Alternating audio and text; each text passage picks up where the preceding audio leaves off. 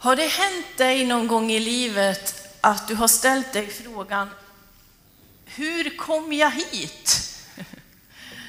Eh, eller hur gick det här till?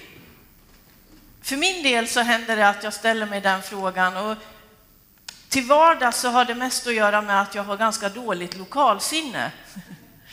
Eh, jag överraskar mig själv ibland. Men om vi tänker ett lite längre perspektiv med istället att livet är som en resa. Att vi ibland har fattat ett beslut i ett vägskäl som på sikt har gett oss en annan riktning. Att vi så småningom har kommit att fatta ytterligare ett beslut grundat på det som hände tidigare. Små eller stora saker som på olika sätt har påverkat oss. Ja, jag tror vi kan känna igen oss i det på olika sätt. Guds rike är nära, är rubriken för den här söndagen och kyrkårets texter. Och jag tyckte det var fantastiskt när Elias med vänner sjöng den här gamla salmen om en dag i taget och att Guds nåd är aktuell varje dag. Det gör att de här frågorna om riktning i livet får ett annat perspektiv. Några som ställdes ofta inför den här frågan, hur hamnade vi här? var en folkgrupp som det står väldigt mycket om i Bibeln, i Gamla testamentet. Och det står om dem mycket i en av de mest kända profetböckerna i Gamla testamentet, nämligen Jesaja. Han eh, var en av de profeter som hade en självklar plats i samhället på den här tiden. Han hade en ganska god miljö omkring sig. Han hade vuxit upp i de finare kretsarna och hade på så sätt liksom fått en självklar plats och roll. Och till honom så kommer ju hela det dåtida ledande skiktet bland Israels folk för att få veta vad ska hända sen? Hur det kommer att bli för oss framöver. Och Jesaja hade gåvan av Gud att också förklara för folket vi befinner oss här nu därför att. Det var som en andlighetens GPS med Jesajas gåva att förklara för folket läget men också vad kommer att hända sen? Vi har det behovet idag också och ibland så har vi kanske coacher, vi har mentorer, vi har vägledare.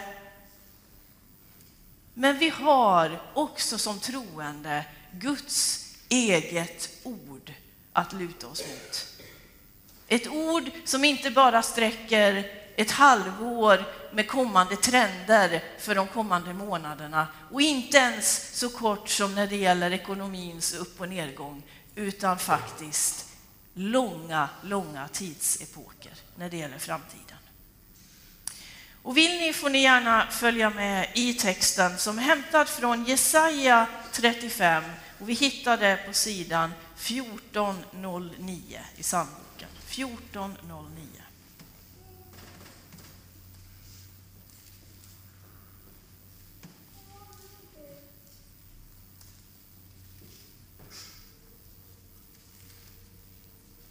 Jesaja 35, verserna 1-10.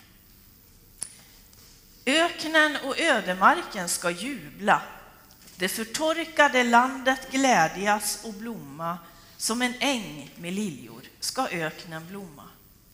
Den ska glädjas och fröjda sig. Libanons glans ska skänkas den, Karmels och Sharons härlighet, och folket får skåda Herrens glans vår Guds härlighet. Ge styrka åt kraftlösa armar, stadga åt skälvande knän.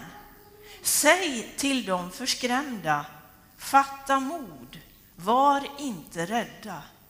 Se, er Gud är här. Hämnden kommer, Guds vedergällning, han kommer själv för att rädda er. Då ska de blinda ögon öppnas och de dövas öron höra. Då ska den lame hoppa som en hjort och den stumme brista ut i jubel. Vatten bryter fram i öknen, bäckar i ödemarken. Förbränt land ska bli till sjö, törstande mark till källsprång. Där nu schakalerna ligger och vilar ska säv och papyrusgräs växa. Där ska gå en banad väg. Den ska kallas den heliga vägen. Ingen oren får beträda den. Där finns inga lejon, där kommer inga rovdjur, men de återlösta vandrar där. Det som Herren friköpt vänder åter. Det kommer till Sion med jubel, krönta med evig glädje. Fröjd och glädje följer dem, sorg och suckan flyr. Ja, den här texten, de här löftena finns insprängda en bit in i Jesaja bok. Och en del teologer har valt att kalla den här passagen för trösten. I det att lite grann man kan tänka att folket, Guds egendomsfolk, har hamnat i ett läge av sitt liv sedan några generationer tillbaka där de inte alls ser allting uppfyllt. Och frågan man ställer sig då är ju, hur blev det så här? Hur hamnade vi här? Och här kommer Gud, inte bara med liksom något klämkäckt, ryck upp er, eller skärp er, eller något annat, utan Gud kommer med ord via Jesaja rakt in i deras vardag. Vi kommer strax tillbaka till texten, men jag vill göra en liten, liten parallell med en kvinna som några av oss hade möjlighet att träffa för ett par veckor sedan. Som ni vet, några här, så var vi med en grupp ungdomar i Rumänien under höstlovet. En fantastisk resa med många olika väldigt gripande människoöden med platser och sammanhang som på många sätt skiljer sig från våra omständigheter. Men en av de många som vi möttes av där, det var en kvinna som heter Lydia. Eh, och om henne så berättade vår eminenta guide här, Marianne Sandqvist, att hon hade ju vuxit upp i en familj, i en pastorsfamilj i Rumänien. Eh, och under 80 och 90-talet, ja, då förändrades ju landets regim. Och det gjorde att Lydia, som då var en flicka, hennes pappa togs till fånga och sattes i fängelse. Så under en del av hennes uppväxt så tvingades mamma och syskonen och tillsammans med Lydia bo i ett ganska påvert område. En bra bit söderut i landet, frånskilda pappan. Det var hennes uppväxt. Det på grund av att pappan höll fast vid sin kristna tro. Och när jag tänkte på den upplevelsen och kanske vad det har präglat henne så skulle man ju lätt kunna tänka tanken att hon i vuxen ålder skulle känna en stor portion bitterhet. Ska det verkligen behöva vara så här?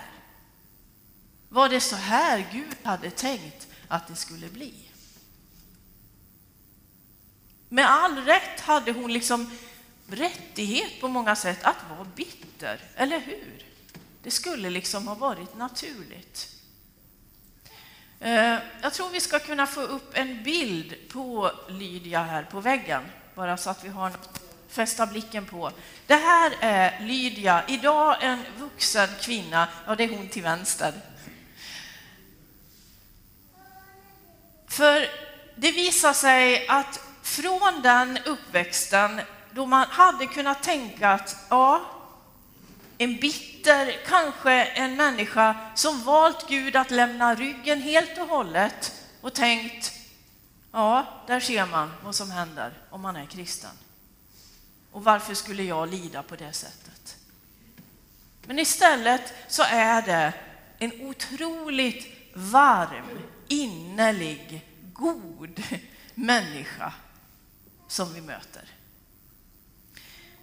Det visar sig att när hon kommer upp i vuxenlivet, regimen ändras och med sina erfarenheter av att ha faktiskt levt i ett utanförskap. Hon saknade säkert sin far.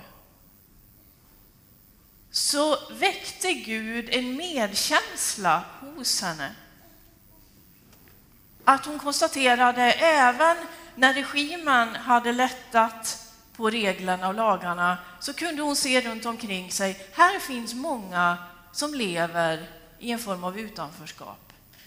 Med kanske en förälder som inte finns rent fysiskt. Någon lever kanske i missbruk. Någon lever i en psykosocial svår situation. Och med de erfarenheterna så väljer den här kvinnan, Lydia, att starta ett barnhem.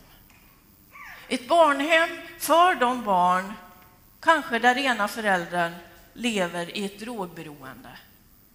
Där de riskerar att inte få sina grundbehov tillgodosedda. Nu möter vi henne och så berättar hon om Lydias Home. Bara Lydia och Lydias Home.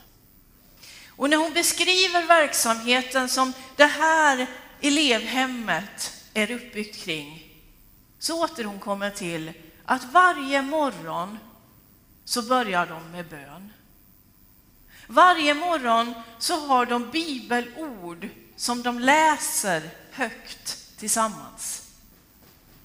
Bibelord som talar om en Gud som är ständigt närvarande. En Gud som håller vad han lovat. En Gud som alltid ger nya möjligheter och nya chanser. Och Lydia berättar själv att bibelläsningen fanns med henne även när hon var liten och levde utan sin pappa. Hon fick alltså fortsatt näring för sin själ och för sin tro på Gud. Och i svårigheterna så kunde hon få kraft att hålla kvar, hålla fast och inte drabbas av bitterhet. Lilla tjejen till höger, ja, det är en av de kallade framgångssagor, fast det är på riktigt. En liten tjej som jag tror hon var ungefär ett år gammal. Elias har koll, han var med på resan. Eh, den lilla tjejen har alltså kommit till utifrån att en kvinna som själv vuxit upp väldigt tilltufsad i uppväxten kom till Lydias Home fick där möjlighet, mitt i trotsåldern, mitt i den här pubertala krisen, att få god hjälp till redskap för sitt liv. Att hålla sig till andra regler än bara sina egna. Mamman till den här bebisen sa, jag avskydde Lydias home. För de satte krav, men de visade också på kärlek. Och när vi mötte mamman i en liten, liten trång lägenhet där hon bodde med sin man, och sin lilla nyfödda bebis så sa hon, jag tackar Gud för Lydias Home. För där fick jag verktygen till mitt liv. Och mamman säger också att hon är så mån om att den lilla bebisen också ska få med sig Guds ord redan från början. Hon läser barnens bibel tillsammans med sin dotter, för hon vet själv hur viktigt det är. Vi kan titta på nästa bild som också är från samma hem där den här lilla flickans mamma också har bott. Det här är alltså några av de ungdomar som idag bor på Lydias Home tillsammans med några Månsarpsbor och tabergare. Här är vi alltså samlade, de ungdomar som just nu är kvar på Lydias Home men som snart ska ut i vuxenlivet för att själva stå på egna ben, för att själva skapa sig en framtid. Men basen, tryggheten, kärleken har de fått på hemmet.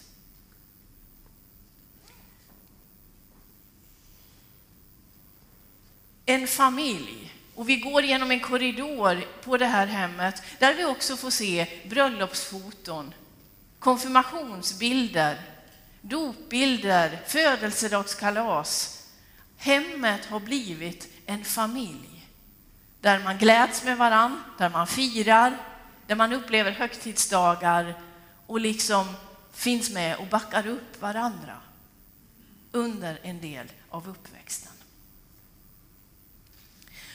Och när jag har varit på det här hemmet, Lydias Home, så tänker jag att det är exakt det de har gjort och det de gör, det är det vi läser om i Jesaja. Och det som vi här idag får uppmaningen att göra.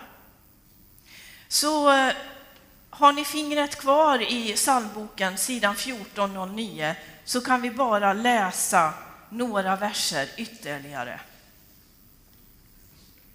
För vad är rådet som profeten Jesaja ger folket från Gud? Jo, ge styrka åt kraftlösa armar. Mitt i det som är, mitt i det som har liksom inte blev som vi riktigt hade tänkt oss. Idag är nådens dag. Idag får vi hjälpa vår granne att lyfta kanske de kraftlösa armarna. Vi får ge stadga åt skälvande knän. Ibland är det jag som har skälvande knän och då får någon annan träda in och ge stadga. Och ibland är det jag som har de starka benen och så får vi hjälpa andra vars ben skälver. Och så står det, fatta mod, var inte rädda. Det är svårt att undgå miljökrisdebatt, stress och allt det här som trycker på av olika slag. Detta är evangelium. Fatta mod. Var inte rädd. Se er Gud. Var är han någonstans? Är han där borta någon gång? Avsides? Nej, Se, er Gud är här. Gud är här. Så mitt i det vi lever i, mitt i vår vardag, i kassakön, i skolan, bland grannarna, så är Gud närvarande. Just nu och just här. Och känner du att du på något sätt har skälvande knän, att eh, modet har börjat att ge vika. Ja, vi kommer att ha en förbönstund en bit in i vår gudstjänst. Ta tillfället. Det kommer att vara Fredrik Widehäll som är med i förbönen. Kanske ta tillfället, det finns mannaord i form av bibelord. Gud vill ge dig en hälsning, en personlig hälsning. Använd tillfället till att ta emot ny kraft från Gud själv den här dagen.